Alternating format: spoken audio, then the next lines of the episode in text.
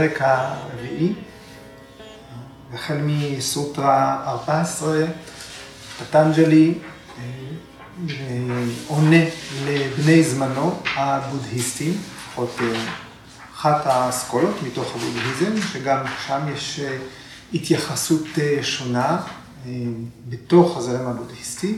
זה, אנחנו לא יכולים להגיד שפטנג'לי מפריך את כל הבודהיזם, או את כל הזרמים, או מדבר כנגד כל הזרמים בבודהיזם, אלא אה, כנגד ה... אלא הרעיונות שעולים כאן בהחלט חלק מהדיון וההבדל בשורש התפיסה של המציאות אה, בין הוויג'ננה ואדי, שהוא היה אה, אחד הכותבים הבודהיזם,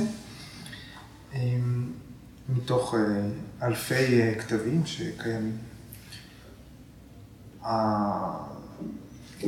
בודהה, אה, ככל הנראה, סיים את אה, חייו במאה החמישית לפני הספירה, והוויכוח אה, לגבי זמן הכתיבה, מתי פטנג'לי כתב את כל זה, בין המאה החמישית למאה השנייה לפני הספירה. אז ההתייחסות הזאת היא, היא בעצם מודרנית לזמנה או פוסט-מודרנית. אי אפשר... הדברים האלה לא אה, מתקיימים בחלל ריק. המחשבה בבסיס של התפיסה, מה שאנחנו קוראים הריאליסטית, אה, האידיאליסטית, היא שהדבר מתקיים מתוך התפיסה של התודעה. כל עוד התודעה תופסת משהו, זה הקיום של אובייקט.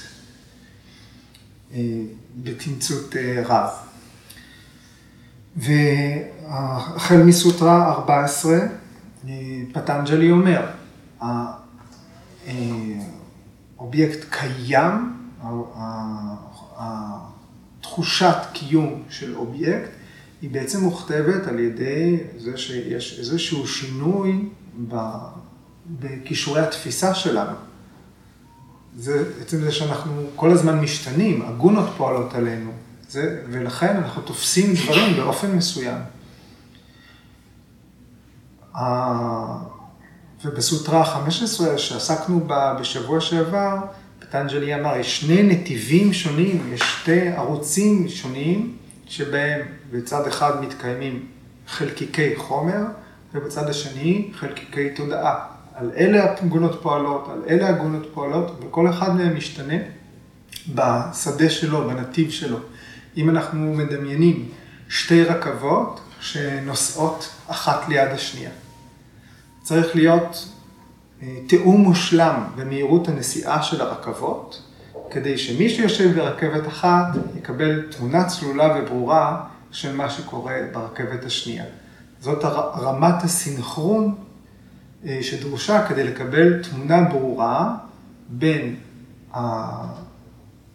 רכבת אחת, שהיא הערוץ החומרי של איך שדברים מתקיימים במציאות, החלקיקים, איך הם מאורגנים ומשתנים, כי הרכבת בנסיעה, לבין הרכבת של הצ'יטה, של כישורי התפיסה, שגם כל הזמן בהשתנות, היא בנסיעה. השאלה היא, האם הן נוסעות אה, יחד ב... אה, ביחסיות מדויקת. התפיסה הזאת אה, של יחסיות בין התופס והנתפס, אנחנו נגיד תורת היחסות. אז אם שמעתם את המונח היוגי, מאיה, כשאומרים האשליה, החושים שלנו, אברי הפעולה, החושים, והמיינד שתופסים את מה שנעשה בעולם, מרכיבים איזשהו, איזשהו דימוי, איזושהי תמונה, איזשהו תיאטרון של מציאות. אבל אה, התרגום מאיה הוא, אה, הוא גם, אה, יש עליו חולקים, סוואמי ויבקננדה, לפני איינשטיין אמר, מאיה זאת יחסיות. מה מהירות הנסיעה של הרכבת הזאת ביחס למהירות הנסיעה של הרכבת הזאת? היחסים ביניהם הם אלה שקובעים איך אנחנו מתארים את מה שאנחנו רואים מבעד לחלון. של כישורי התפיסה שלנו. אז מה היה? יחסיות, ולאו דווקא אשליה. בגלל היחסיות, אנחנו נתונים באשליה. בגלל שיש יחסיות ותפיסה. מה נופל תחת מאיה? כל הדברים שניתן לתאר ולהגדיר אותם. כל מה שניתן לתאר ולהגדיר, הזמן, המרחב, הנסיבות, דשא, קאלה, נימיטה, כל מה שנופל תחת התנאים האלה הוא אה, אה, תחת מאיה, כי אנחנו יכולים למדוד, להגדיר מחדש. הדברים האלה הם לא קבועים, צריך כל הזמן למדוד אותם, להגדיר אותם מחדש. דיברנו מתישהו במהלך השנים שגם הקילו, שקוראים לו קילו, נכון? המושלם, ששמור באיזה מעבדה בתנאי, בתנאים סטריליים, מבחינת לחות וכולי, הוא גם איבד משקל. זאת אומרת, היום מכשירי מדידה קלאסיים, המודרניים, כבר הקילו המקורי שהיו משווים את כל המידות אליו, הוא איננו קילו יותר. הוא איבד, לא זוכר כמה מיליגרם. אז הכל משתנה, גם הדברים שאנחנו מודדים אותם. כל מה שמדיד, כל מה שניתן לתיאור ולהגדרה, הוא חלק מהתפיסה היחסית שלנו. כי מה שלא ניתן למדוד באופן יחסי, הוא קבוע. מה קבוע? רק העובדה שאנחנו מתבוננים על הדברים. רק ההכרה, יכולת התפיסה, היא הקבוע בעולם. זאת התפיסה של היוגה. לזה, לזה קוראים פורושה. כשפטנג'לי מגדיר בפרק הראשון, מה ההבדל בין הפורושות האנושיות, לצורך העניין, למרות שיש פורושה שמתגלגלת גם בזנים אחרים, במינים אחרים, מה ההבדל בין הפורושות האלה לאישווה, לפורושה שקוראים לה אל, רעיון מוחלט של אל. הפורושה של אל, אישווה, לא חלים עליה זמן, מקום ונסיבות. אבל כולנו כן. זאת אומרת, האידיאל הזה של אלוהות, אנחנו מדמיינים או מאמינים או מכילים בתוכנו איזשהו רעיון לגבי פרושה אחת, שלא חלים עליה מקום, זמן ונסיבות. היא בלתי משתנה. והתפיסה שלה היא תמיד מאוזנת ביחס אלינו, שתמיד נתונים תחת uh, השפעה כלשהי. בין זמן, מקום או נסיבות, תנאים, התניות.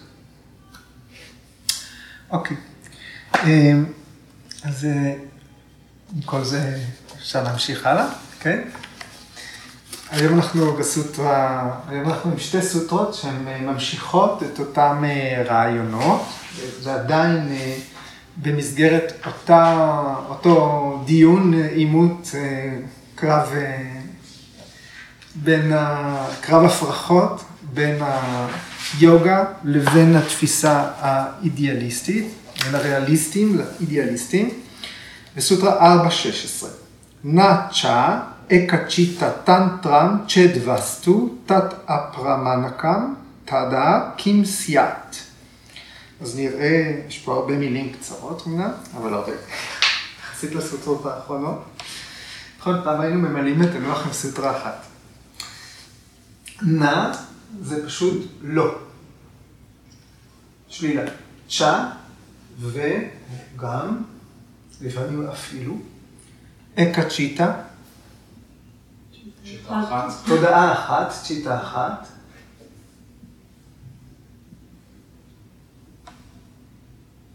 טנטרם, hmm, טנטרה. טנטרם זה תלוי, נסמך על. טן, טן, זאת מתיחה. טן, אה, כמו אוטנסנה. טן, זה בעצם מערכת יחסים בין אחד לשני. טנטרה זה סמיכות. טנטרה זה האופן שבו תודעות נמתחות אחת לשנייה. אז כאן טנטרה זה תלוי, נסמך על משהו. צ'ד זה זה, וסטו, אובייקט, תת, זה ש, זה אשר, אפרמנקם, השורש הוא מה, מה זה למדוד, measure, מה. ואפראה, לא, פרה זה אה, תמיד החברה, הגברה של הפעולה, של פעולה מדידה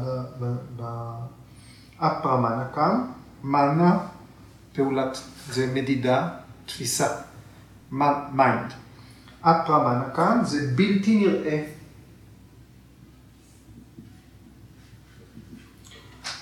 בלתי מזוהה, בלתי נתפס. tada,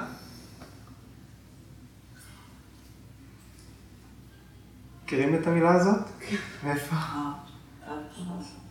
תדסה, נכון, גם, לא, תדסה אני זוכר. תדה, תדסה זה תד. תד זה הר. אבל תדה זה אז, כאשר. זו סוטרה השלישית, תדעת רשתו סברופה והסתנן. כשתהליך היוגה מתממש, אז המתבונן שוכן בצורתו הטבעית. זה תדה, אז, כאשר. קים זה מה, מילת השאלה, וסייעת, השורש הוא אס, האס פה הפכה להיות T בסיומת, אס זה פשוט להיות, וכאן סייעת זה שיקרה, מה שיקרה. אה, הרבה מילים. הסוטרה הזאת, 4.16, יש מהדורות של היוגה סוטרה שהיא לא מופיעה. למה? בגלל שהיא המשך של אותו רעיון. וחלק חושבים שהיא בכלל מהפרשנות של ויאסה, והשתרבבה בהעתקות אל תוך אה, פטנג'לי. כי היא ממש מסבירה את מה שקרה עד עכשיו, ולא מוסיפה עוד אה, מידע. מה זה אומר? אז אובייקט, כן? הקיום של האובייקט הוא לא, הוא לא נסמך על תודעה אחת. na ca ekacitta tantram cet vastu. vastu, האובייקט הזה, הוא לא נע, לא תלוי, לא נסמך על תודעה אחת. הקיום של אובייקט, הוא לא יכול להיות תלוי בתודעה אחת. אחרת, אז מה יקרה? מה יקרה לאובייקט הזה כשהוא בלתי נראה? כשאין אף תודעה שתופסת אותו, כשהוא נמצא בשדה של אה, אפרמנקם, אף אחד לא תופס אותו. אז פטנג'לי כותב כאן, אם עץ נופל ביער ואין מי שישמע אותו, האם הוא עושה בום? כן?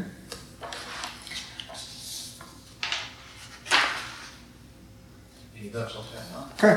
היה אפשר להגיד שיש אולי איזושהי תודעה אוניברסלית שתופסת הכל כל הזמן, ואז היא התודעה ש...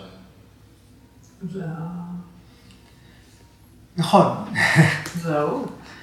נכון. מכאן נגזר הרעיון של ברהמה, כן? וכל ה... ואיך התבוננות בדבר מסוים עד שמגיעים למהות שלו. ש... ונראה את זה בהמשך השיחה היום. זאת אומרת, איך מכאן איך, מתפיס, איך על ידי הגדרה של תפיסה ואי תפיסה, כשצוללים באופן מעמיק עם זכוכית מגדלת, מערכת היחסים הזאת בין כישורי התפיסה שלנו והאובייקטים שאנחנו תופסים, איך ניתן להסיק מזה על קיומה של מציאות על אף שהיא בלתי נתפסת, שזה שקול ללהאמין בדברים שאנחנו לא, לא תופסים לא, ולא יכולים לתפוס, אוקיי? אז, אז בהחלט לשם הדיון הולך. אתה איתי. אוקיי. מה, ש, מה שבעצם אבל פטנג'לי כותב כאן, בשלב הזה, זה שעצמים חיצוניים במציאות, הם לעולם לא תלויים בתודעה. הקיום שלהם לא תלוי בתודעה. אחרת מה יקרה להם אם הם לא נתפסים? כן? זה אומר שיש אה, אובייקט שבשלב מסוים ה mind לא תופס אותו, זה יכול להיות אובייקט שנמצא בשדה התפיסה של התודעה, אבל לא מגרה אותה, אז התודעה לא הולכת אליו, נכון? אז יש... אה, אבל זה לא אומר שהאובייקט הזה לא מתקיים. האם אנחנו לא כל הזמן בתהליכי למידה של אסנות, אה, נחשפים אל אה, מידע שלכאורה היה מול העיניים שלנו, עד, ש... עד שפתאום ראינו אותו, אבל זה היה כאן כל הזמן. אבל איכשהו ה mind שלנו מדלג על הדברים, דווקא במקומות שקשים לנו, שהרגלים שלנו חורגים מהם. כן? המים שלנו רגילים לזרום באותו כיוון גם בהפעלה הפיזית של הגוף, וגם באופן שאנחנו תופסים את ההפעלה הפיזית של הגוף שלנו. אנחנו רואים איך אנשים שלא מפעילים את הערך חיים שלהם, לא מדברים על הערך חיים, כי הם מבקשים מהם לדבר. כן? יש התאמה בין הידע שנצבר בגוף לבין האופן שבו הוא אה, פועל. אז נחזור לנושא שלנו, כמו שהרעיון הזה שיש prakriti שקיים, אמיתי, אה, תמיד בהשתנות תמידית ויש purusha, אה, כישורי, יש כישורי תפיסה, יש רעיון של נשמה נוכחת שהיא קבועה, עדה ובלתי משתנה, אז יש אובייקט וסובייקט. prakriti הוא אובייקט. כל ה prakriti הוא אובייקט. הסובייקט היחידי הוא purusha. בי קיי אס איינגר קורא לזה חוסר בשלות של האינטליגנציה והבדלים בהתפתחות של תודעות שונות, שבגללם יש לכל יחיד איזשהו אורך גל של האינטלקט שלו, ולפי כך הוא תופס את המציאות. הדברים עצמם, המהות שלהם היא לא משתנה. ירך ירך, ברך היא ברך, כרית הבוין הגדולה היא כרית הבוין הגדולה. אבל כל אחד תופס את הדברים בהתאם להתפתחות האינטלקטואלית שלו. יוגי שמגיע לשלמות בסדנה, בתרגול שלו, האינטליגנציה שלו, ההכרה שלו יכולה לגעת בידע שהוא עילאי, זאת אומרת במהות של הדברים. שהרכבות מסונכרנות אחת עם השנייה, נוסעות במהירות, באותה מהירות.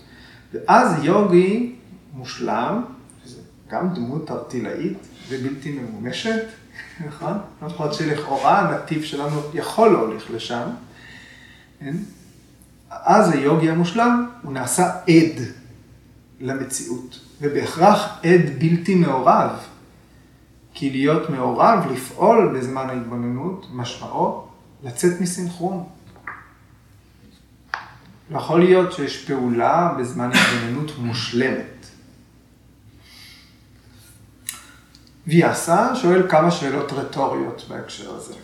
ואת הפרשנות שלו כאן היא מורכבת משאלות.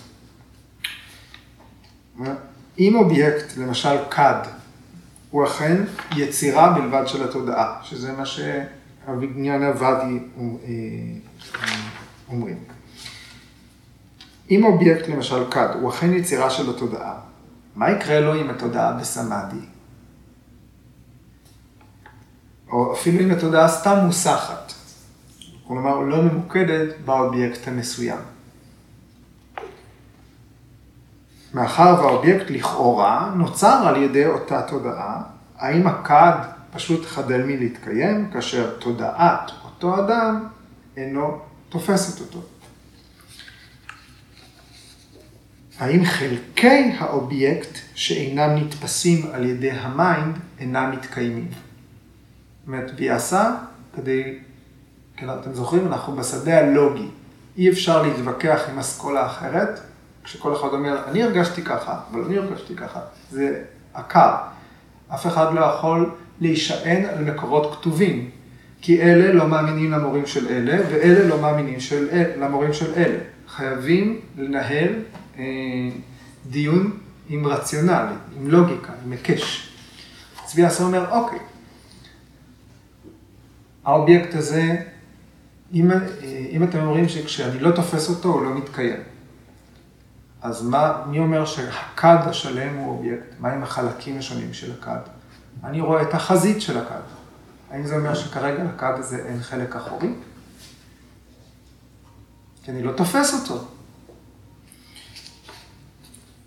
איך זה יכול להיות שאני רואה את הכד, לא רואה את אחורי הכד, אבל מישהו אחר רואה חלק אחר של הכד עכשיו?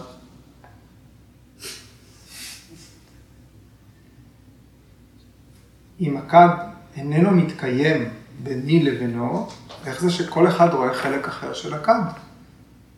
אם הכד מתקיים רק בתפיסה, ואנחנו לא נמצאים בתהליך כרגע של אה, תקשור מ mind אל mind, של קריאת מחשבות. אם המתבונן אינו תופס את אחורי הכד, או את פנים הכד, לפי האידיאליסטים הם לא מתקיימים, הם חלקי אובייקט. ואז ויאסה מוסיף עקיצה, עוד שאלה, הוא אומר, אם אני רואה אדם מלפנים, זה אומר שאין לו גב? אם הוא לא בשדה הראייה שלי, והשאלה הכי מעליבה של ויאסה זה, האם יש לו קיבה? אה? האם הקיבה שלו מתקיימת בלי גב? אז שנקרה מתייחס ל... לאופן שבו חברה בנויה. איך זה שאנחנו מנהלים חברה פעילה? אה, עם מציאות אובייקטיבית, היא רק, לפי האידיאליזם, היא רק אה, תפיסה של תודעת יחיד. זאת כל מערכות היחסים החברתיות הרגילות, הן בעצם התפרקו. כי אין שום חפיפה של מוסכמות חברתיות בין אנשים.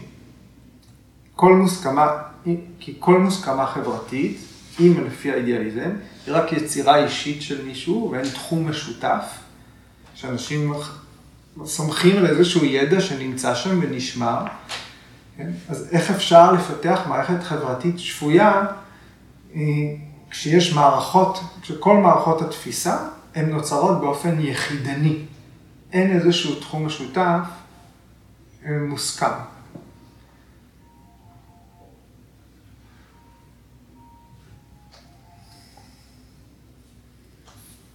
זאת אומרת, יש איזושהי הסכמה שהולכים ברחוב עם בגדים, נכון? לפחות עם חלק מהבגדים. יש איזושהי, איזושהי, אה, איזושהי קביעות בהסכמה, שזה גם דבר שקיים בעולם, הסכמה חברתית. אם המוסכמה החברתית לא מתקיימת כאשר בן אדם אינו חושב עליה, אז למה שהיא, למה שהיא תחזיק? איך יתקיימו חברות? איך יתקיימו חוקים חברתיים? איך יתקיימו ימה, כללי הימה?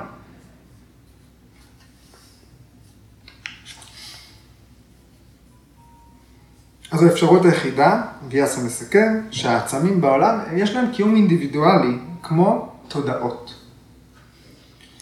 האיחוד בין העצמים, האובייקטים והתודעות, ה mind, ההכרות, זה כדי לאפשר אה, להעניק ל purusha את חוויית העולם, bhoga.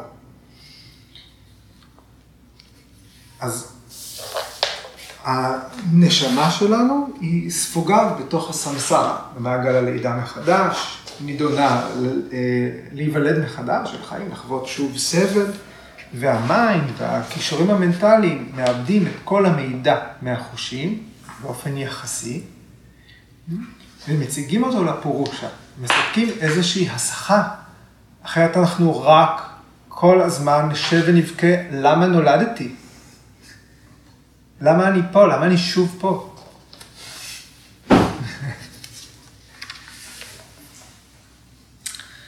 בי קיי אס איינגר מסביר איך זה עובד. אומר, האדם הוא שילוש, הוא גוף,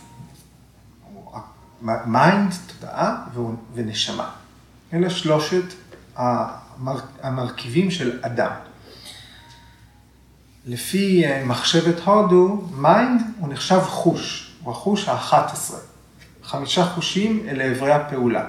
הרגליים מניידות אותנו, הידיים נותנות ולוקחות, הפה מדבר, מערכת הדיבור, חמשת חושי התפיסה, עיניים, אוזניים, אף, לשון, עור, וה... והמיינד הוא זה שמאבד את המידע שמגיע מכל העשירייה הזאת ו... ועוזר אה, לייצר איזושהי תמונה. אז כל 11 החושים האלה הם, הם חלק מהתודעה הקוסמית, הם התפתחות של משהו. הם התפתחות של, של מהט, הם התפתחות של התודעה הקוסמית. כי, ולכן הם כל הזמן נתונים להתפתחות ושינוי. בגלל שמשהו שנולד ממשהו אחר, אין לו קיום מוחלט. אין קיום, הקיום המוחלט הוא פורושה פרקריטי. זהו, כל השאר זה התפתחות של זה. אז הוא לא מוחלט, הוא כל הזמן משתנה, הוא לא קבוע. ה mind מצית את הגירוי של החושים, ולהפך, ואיברי הפעולה משתתפים כדי שה mind יוכל לחוות דברים. והחוויות האלה הן אה, נטמעות נספגות בנו לפי ההתפתחות האישית שלנו, לפי אורך הגל האינטלקטואלי. אם אובייקט לא מגרה את ה mind, באותו זמן הוא לא נתפס על ידי ה mind, או שה mind לא מצליח לתפוס אותו, למרות שהוא אה, נוכח. ורק mind שחופשי מהמשחקים של הגונות, מהעיוותים, כן, רק הוא רואה אובייקטים בצורה האמיתית שלהם, חופשי מהרשמים. ולהיות חופשי מרשמים, זאת אומרת, המגע של mind עם אובייקטים, הוא נחרט לפי אה, פטנג'לי, הרגע הזה שבו יש סינכרון מושלם בין התודעה התופסת והעולם, זה הרגע שבו התודעה אינה חווה את העולם. כל עוד יש מגע עם אובייקטים, יש איזשהו טשטוש של כישורי התפיסה, יש איזשהו עיוות. אנחנו מסתכלים מהחלון של הרכבת הנוסעת, אבל ברגע שיהיה תיאום מושלם בין הרכבות, למשל הוא לא יכול לקרות. זה אומר שהפסקנו להסתכל החוצה מהחלון. זאת אומרת, מבין השלושה גוף, mind, נשמה, ה mind פונה אל הגוף ואל כל המידע שהגוף מסוגל לקלוט, שניתן לקלוט דרך הגוף, בהצלחה אה, של תפיסה יחסית יותר אה, נכונה או פחות נכונה, אבל כשמגיעים למהות, כשההכרה עצמה מצליחה להשיג image, דימוי של מציאות פשוטה, ככה, כפי שהיא, בלי שום עיוות, ברגע הזה הוא שקול לניתוק מהמציאות החומרית. זה הרגע שבו נתפסת הנשמה. כל עוד העיניים הפנימיות שלנו, כישורי ההכרה, פונים החוצה אל העולם, הם יהיו בהפרעה. והרגע היחיד, לפי פטנג'לי, הוא כשההכרה פונה פנימה. רגע של צלילות מוחלטת הוא רגע שבו אין פנייה החוצה.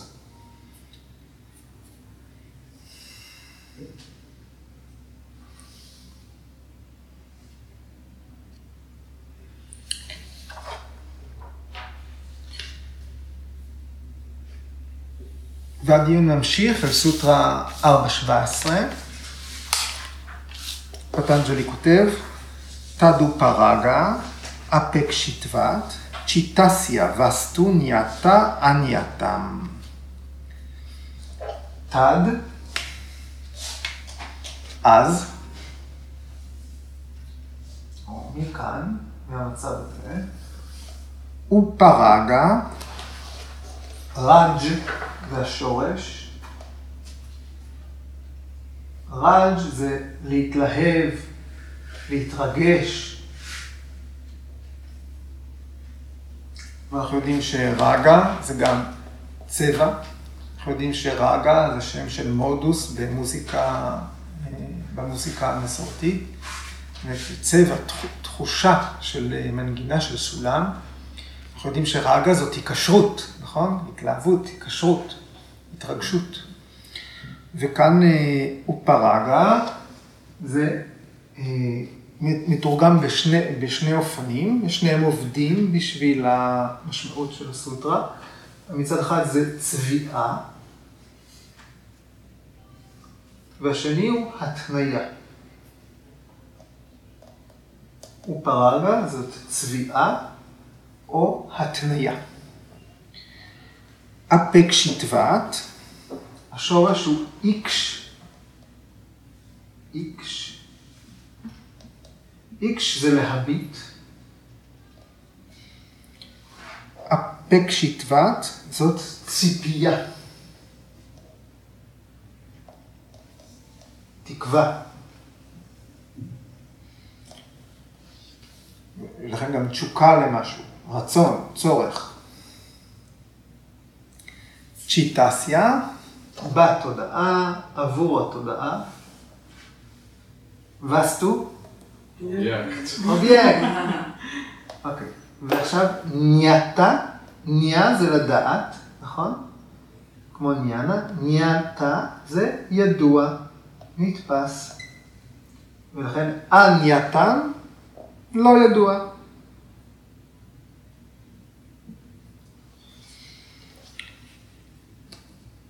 אז אובייקט יהיה ידוע או לא ידוע, לפי ציפיות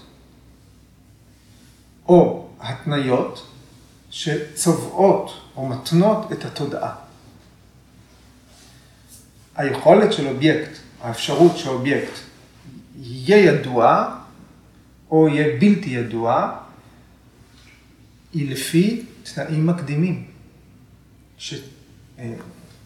שציפיות מסוימות או תנאים מסוימים שצובעים את התודעה.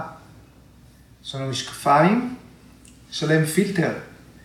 והפילטר הזה, שמשפיע על האופן שאנחנו תופסים את העולם, הוא מה שגורם לנו לתפוס משהו או לא לתפוס משהו. אוקיי? אמיתי, יש הרבה אנשים, באמת, שפשוט לא למדו על הגוף שלהם דבר, באים עם הכתפיים מורמות אל תוך האוזניים, לא יודע למה, אבל כל הזמן כואב לי הצוואר.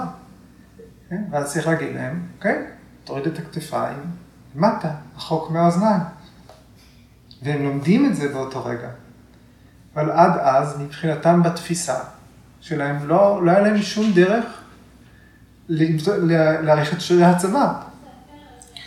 אז יש איזשהו פילטר, שדבר מה, שבשדה שלנו, שמכירים מאוד את הטכניקה של האסנה, הוא נראה, הוא מובן, כן? עבור אדם אחר, בגלל אורך הגל שלו, יכול להיות שהדבר הזה הוא בלתי נתפס. אה, אני יכול להוריד את הכתפיים למטה. עכשיו השרירים של הצוואר מתארחים, עכשיו יכול להיות שיהיה צריך לחזור על זה תקופה. בגלל זה אנחנו אומרים שהרבה יותר קל לעזור למתחילים. הרבה דברים פשוט מסתדרים כשהולכים לשיעור מתחיל.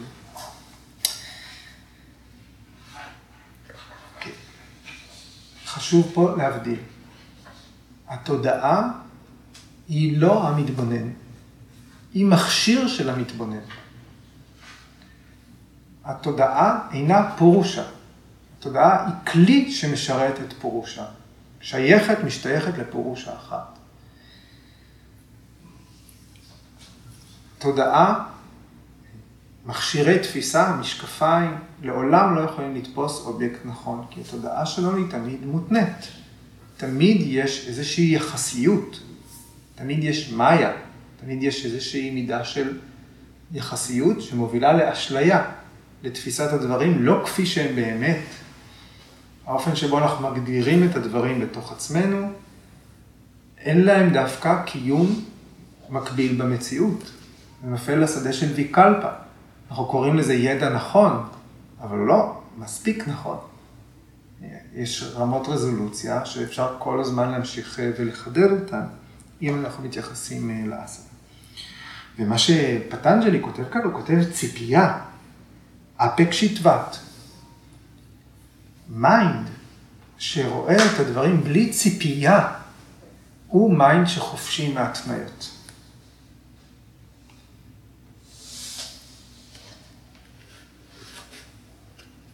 העובדה שאובייקט נעשה ידוע לי, או מובן, שאני מבין אותו באיזשהו אופן, זה בהתאם לציפיות שלי. אם אני לא מתבונן, כן, אם אין בי את ה... אם אין באדם מסוים את האפשרות להעמיק בדבר מסוים, הוא לא יראה את הדברים.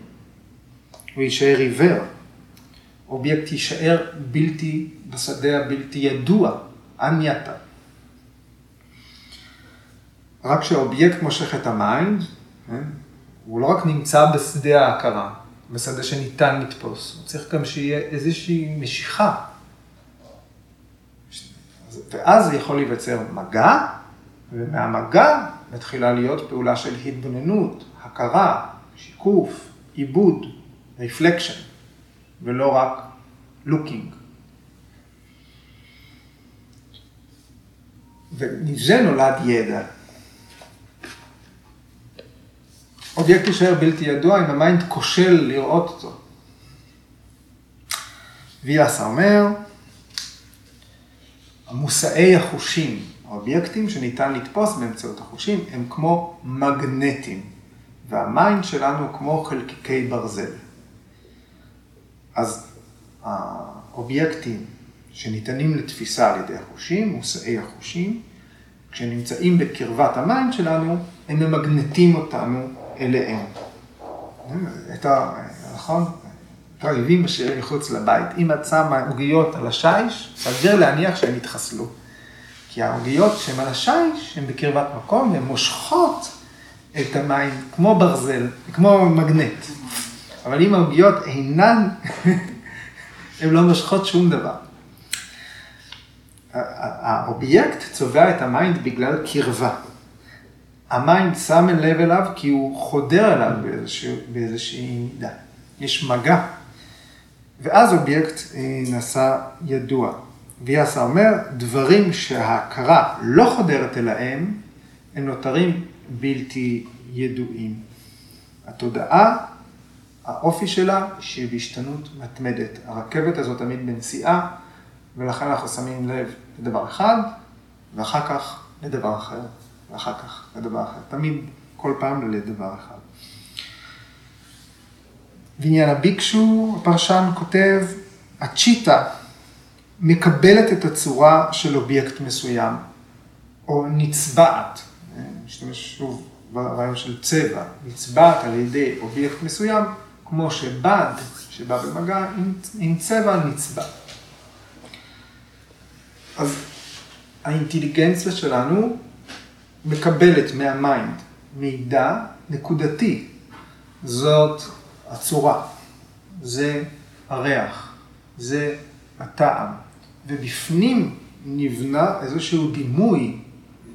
האינטליגנציה בונה בתוכנו, בעולם הפנימי, ברכבת של, ה, של כישורי התפיסה, ברכבת של, ה, של הקיום החומרי, אכן יש שם תפוח. אבל אברי החושים, ההתבוננות מחלון אל חלון, אה, אוספים את המידע, במעבר הזה, המידע הזה הוא עדיין חלקיקי. ורק ברכבת של כישורי ההכרה נבנה בעולם הפנימי שלנו דימוי של תפוח. הדימוי הזה יכול להיות מעוות, יכול להיות אה, אה, מותנה. יש אדם שלא סובל תפוחים, כן? יש אדם שאוהב תפוחים. וה... וזה משפיע על האופן שהתפוח הזה ייתפס.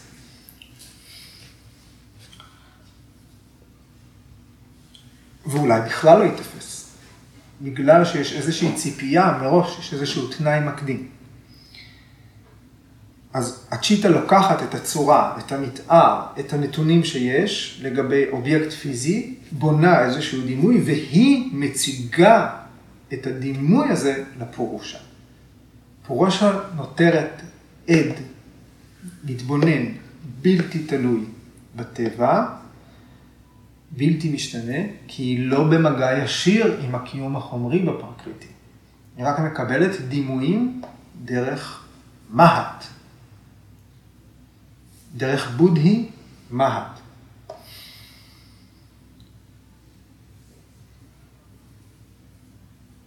ויאסה מזכיר בנקודה הזאת שהקיום של התודעות הוא גם עצמאי. הקיום של כישורי התפיסה הוא גם עצמאי, הוא בלתי תלוי באובייקטים. זה מה שמאפשר את תהליך ההצגה הזה של אובייקט לפורושה. כל זה, הדיון הזה של השבועות האחרונים, הוא בא להוכיח שיש קיום בלתי תלוי למציאות החומרית. וויאסה מוסיף ואומר, רגע, אל תשכחו שיש גם קיום בלתי תלוי לתודעה, לכישורי התפיסה. כי אחרת כל זה לא יהיה גם קיים. אנחנו לא מתווכחים על זה, כן? כי כולם יודעים שהם מרגישים.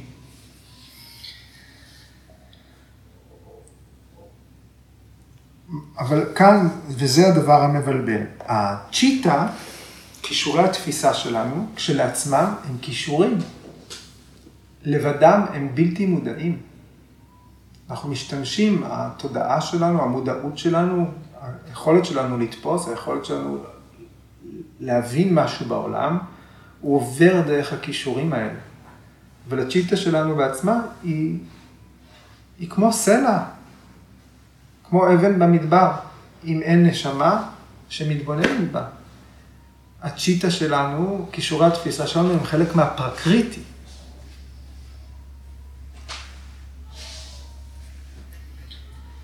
כשלעצמם הם חומר רדום, אין להם תודעה משל עצמם, יש להם קיום.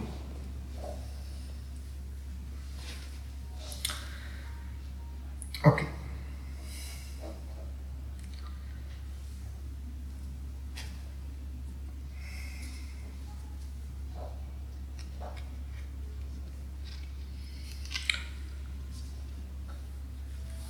צ'אנקרה מוסיף אה, לדיון מול האידיאליסטים. הוא אומר, אם אובייקטים פיזיים, לפי האידיאליזם, הם יצירות של התודעה.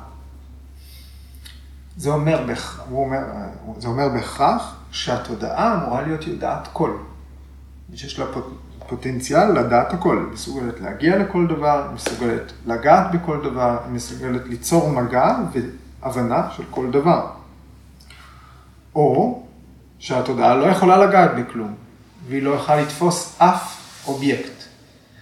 הוא אומר, אם קיום של אובייקט תלוי בעובדה שהוא נעשה ידוע לתודעה, אז זה אומר שהתודעה בהכרח מסוגלת לדעת הכל.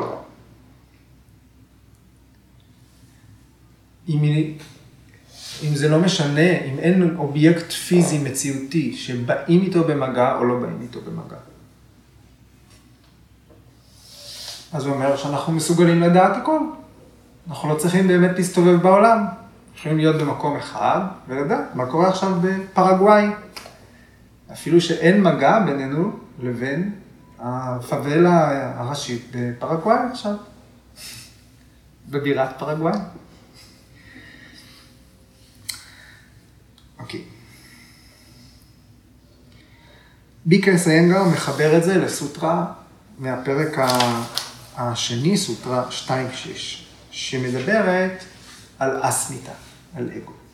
הוא אומר, אוקיי, פטנג'לי אומר כאן, הסוטרה 4.17, אם התודעה מותנית או צבועה, זה גורם לכך שגם האובייקט שאנחנו תופסים הוא נצבע איכשהו.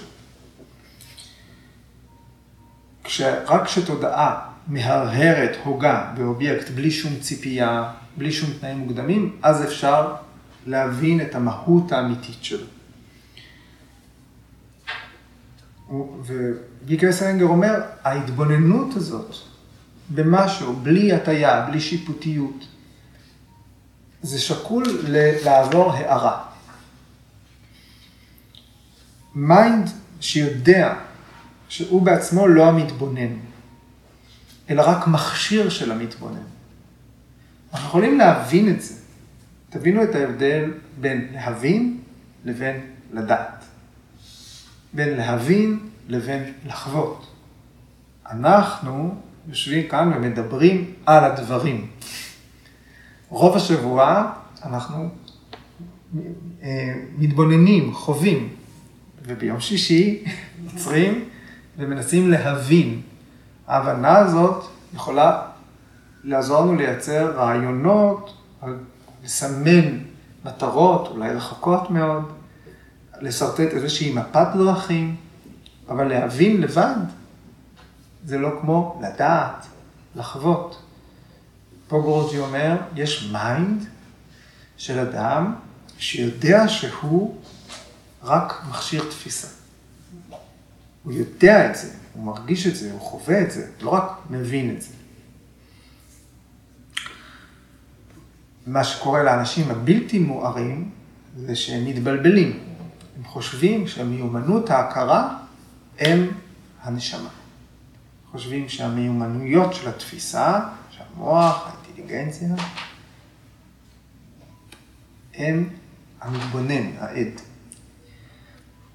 זה מה שנאמר בסוטרה 2.6, דריק דרשנה שקטיורו, אקתמת איבה אסמיתה. אסמיתה, כשזה מקלשות, אגו, אסמיתה, המשמעות שלה זה להחשיב את המתבונן הטהור ואת כישורי ההכרה כדבר אחד. זה הבלבול, זה מה שאגו עושה לנו. הוא גורם לנו לחשוב שמשהו לא אני, הוא אני.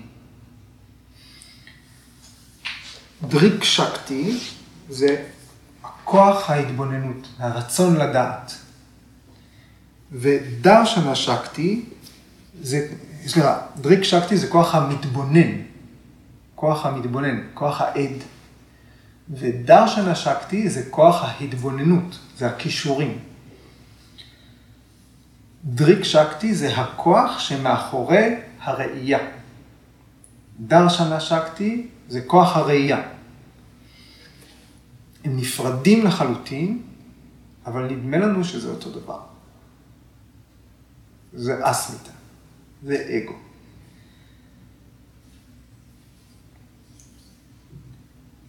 נתנו דוגמה של אדם שחובש משקפיים כדי לראות טוב, אבל הוא לא מסכים להוריד אותם, כי הוא סובל מהפרעה נפשית.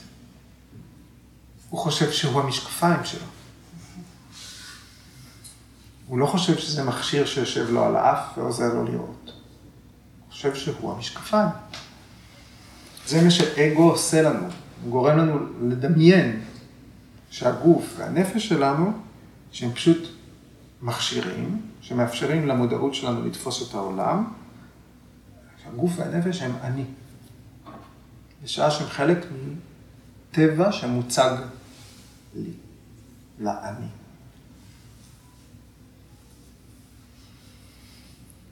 לכן הכוח, ש...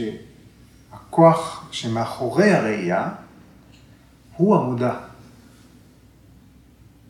והכוח של כישורי התפיסה שקיים בגוף, בנפש, הוא לא מודע, הוא רק כלי.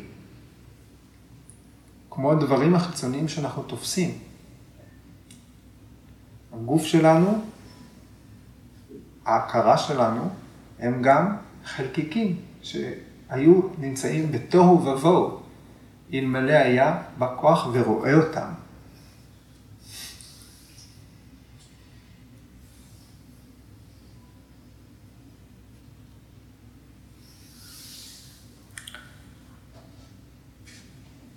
אז כל עוד יש חוויית קיום, כל עוד יש בהוגה, כל עוד אנחנו מסתכלים מהחלון, רכבת אל רכבת, שתי הישויות האלה נדמות לנו כדבר אחד. אפילו אם הרכבות לא מסונכרנות. אפילו אם אנחנו כל הזמן חושבים שמה שאנחנו רואים, it is what it is, ושאיך שאנחנו רואים את הדברים זה כי ככה אני רואה את זה. אבל האמת היא שהמערכת הזאת מושפעת מתנועת חלקיקים. והאגו שלנו עושה מישמש מהכל, הוא אומר זה אני, זה אני, זה אני, זה אני. מבלבל דברים שהם, שהקיום שלהם הוא נפרד לחלוטין, בערוצים נפרדים. זאת אומרת, מה ברכבת הזאת ומה ברכבת הזאת.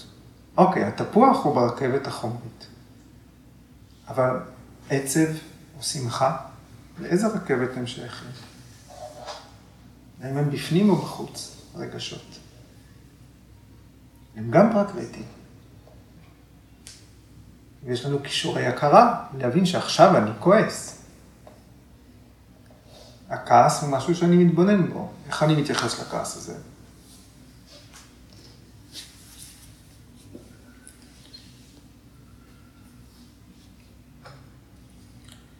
בנפש שלנו הכל נדמה אחד, אבל במציאות זה שמן ומים, זה לעולם לא יכול להתערבב. הכוח, ה... ה... לדעת, צ'יטי שקטי, דריק שקטי, כוח לראות דברים, הוא תמיד יישאר נפרד מכל מה שהוא רואה ומהאופן שבו הוא רואה. והפעולה הזאת היא של אסמיתה, של הערבוב.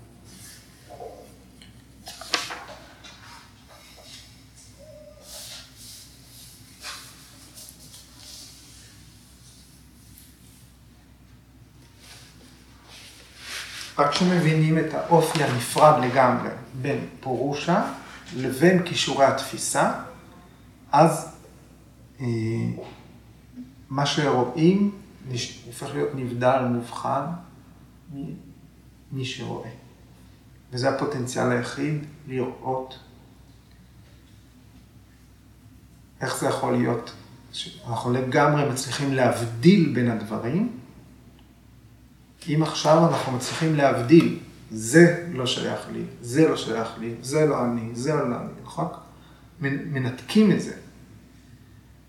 זאת קייבליה.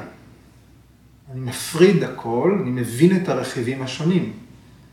אני מבין שזה לא אני, שזה לא אני, שזה לא אני, כל המעטפות האלה. באותו רגע אין בהוגה, אני לא חווה את כל הדברים שהבנתי שהם לא אני.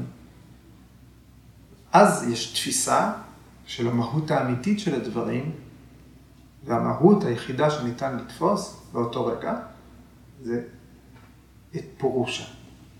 קייבליה, יש לבדיות. זאת הפסגה של התהליך הזה. לא יכולה להתקיים חוויית המציאות ברגע שיש ידע, חוויה, הבדלה. אנחנו זקוקים לאסמיתה, לאשליה הזאת, לבלבול הזה, כדי לחוות את העולם. אוקיי, מה חשבתם? שאלות, ספקות? יש לי שאלה. אה, מדברים על אה, הרמה של התודעה, של ההתבוננות שלנו. זאת אומרת, נגיד, אני מסתכל על עץ, אני יכול לראות את העלה בתור בן אדם. אה, אני יכול אה, להבחין בו, להתבונן בו. במצב הטוב ביותר זה באמת להתבונן בלי אה, סננים, שיפוטיות. אבל האם אני עדיין לא רואה את העלה נושם? כי זה מגבלה שיש לי בתור אדם. אבל זה גם קורה. אומרת, באיזשהו עזרים נוספים, מיקרוסקופ או אולי זבוב, הוא רואה את זה, וזה ההכרה שלו, אז יש איזשהו ייחוס לזה, מבחינת התודעה. כן, אתה נוגע פה בכמה, בכמה רעיונות. ויש התייחסות אה, השונים של אה, תפיסה. אה, אחד הסימפטומים של השקטה, של פנייה פנימה, זה היכולת לראות את הדברים ברזולוציה גבוהה יותר. כשהיוגי נמצא בתוך סמאדי, בדרגות השונות שלו, של היספרות. יש אה, אה, נולדות דרכים שונים ללמוד, דרכים שונות וחדשות ללמוד. עד כדי כך שמתואר שתודעה של יוגי שעבר את התהליך, היא יכולה, כן, לתפוס אה, את הרמה החלקיקית, אנו. היא מכסה את האובייקטים הגדולים ביותר, גלקסיות, והיא מכסה את חלקי האטום.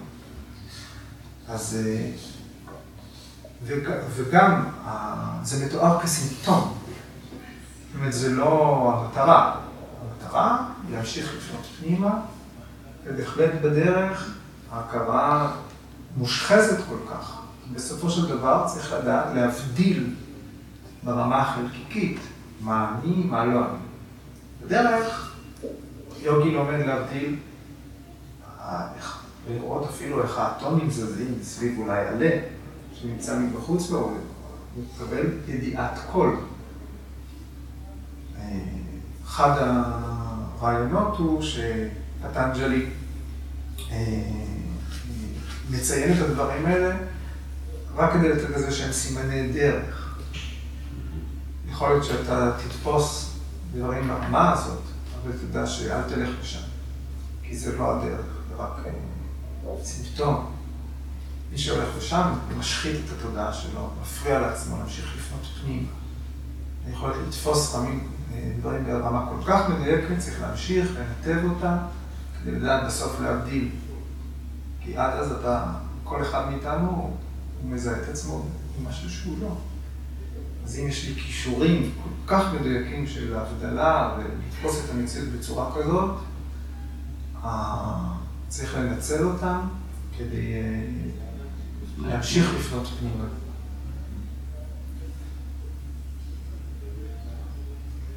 בדיוק אה, קראתי מיקה סיינגר כתב, אחד המאמרים שלו, על זה שיוגי מושלם, מואר, שחווה קייבליה, יש לו אחריות כלפי האנושות.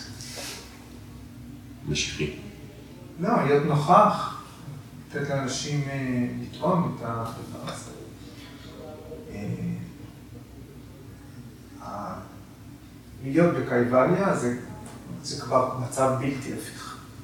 אבל להיות בדרגות שונות של סמנטי זו טכניקה רוחנית.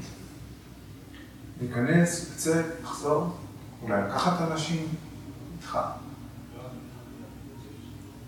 למרות שזה בהכרח הפרעה לסדר.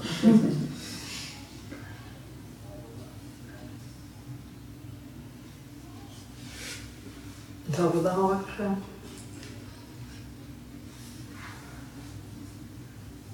וכל הזמן לפרק את התפיסה. ולתפוס את הדברים המובנים מאליהם שכבר יש עליהם איזושהי תפיסה מוקדמת, ולרענן את זה ולנסות לבדוק את זה ולבחון את זה דרך דברים שהם כבר אוטומטיים.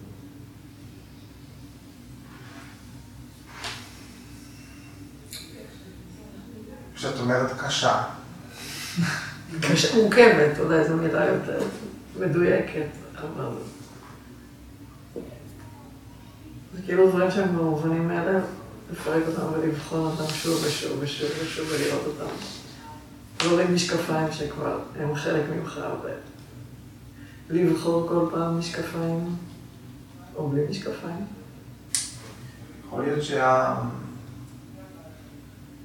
שהדבר המאמץ הוא מאמץ, מלשון מאמץ, שהעבודה הקשה באמת היא שטובעת הרבה מאוד אנרגיה, ולאפשר להרגלים לנהל אותך.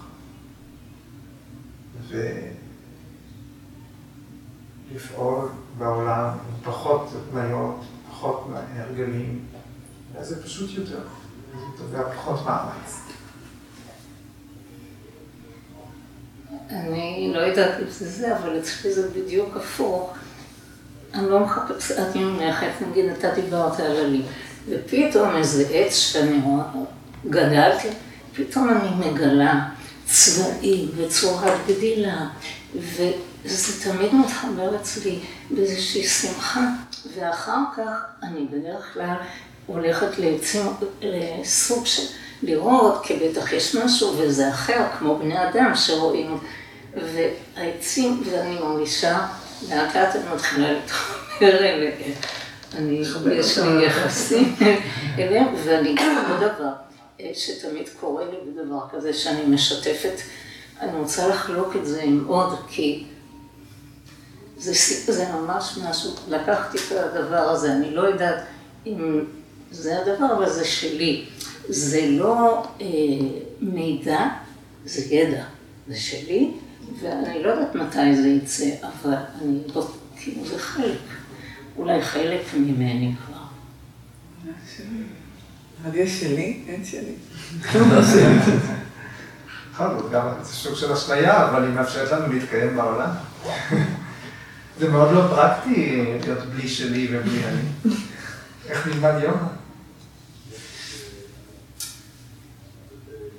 כן, לפעמים אה, אפילו כשפשוט עוברים איזשהו, בחוויה גם האישית שלי, ממש בתרגול, אחרי כפיפות קדימה, בתרגול של תנוחות הפוכו, כשהכל, אה, כשה, כשהטורים יורדים, פשוט נסתכל קצת מהחלון, תראו, הדברים נראים אחרת, באיזושהי מידה. אולי אנחנו לא רואים את הפוטוסינתזה של הלב, אבל אנחנו רואים, זה ספקטרום, התפיסה שלנו משתנה.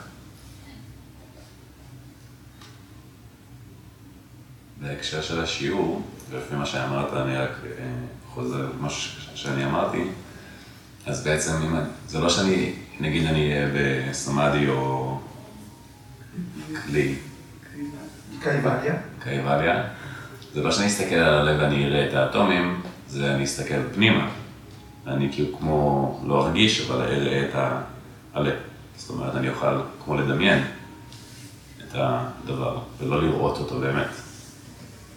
אז אני חושב שבאמת אולי לתרגול אנחנו יותר התבוננות פנימה, אבל יש לנו עוד איזשהו באמת אורך גל קצת אה, ארוך יותר, שמאפשר. אבל גם כן זה נראה לי פנימי, מאשר באמת אה, להסתכל החוצה ולראות, זה יותר כמו להתבונן ולהרגיש.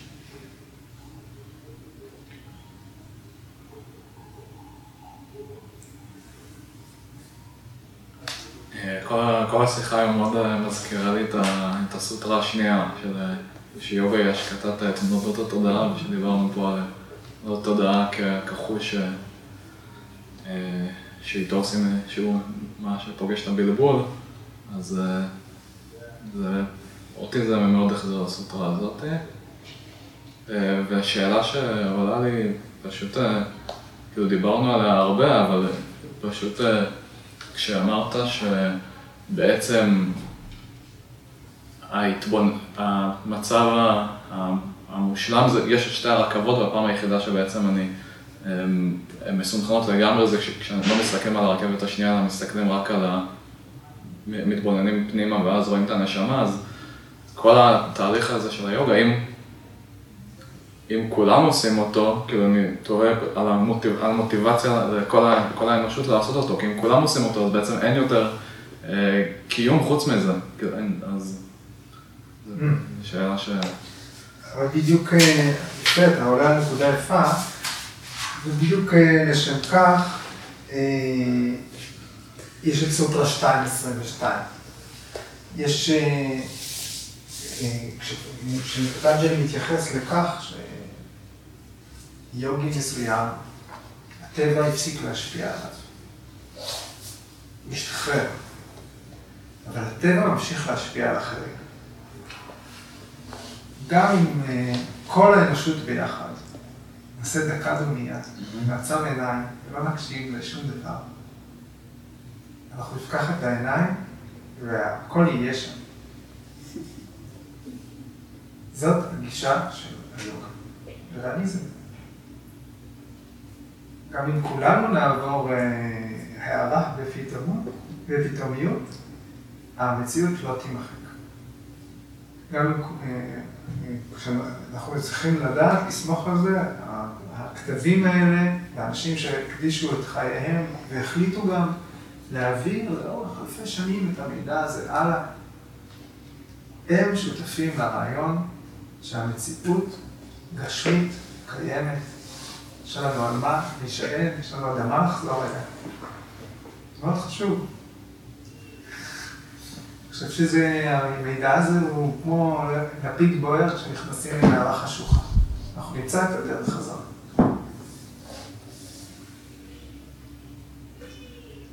אוקיי? טוב, זה רעיון. תודה. לא,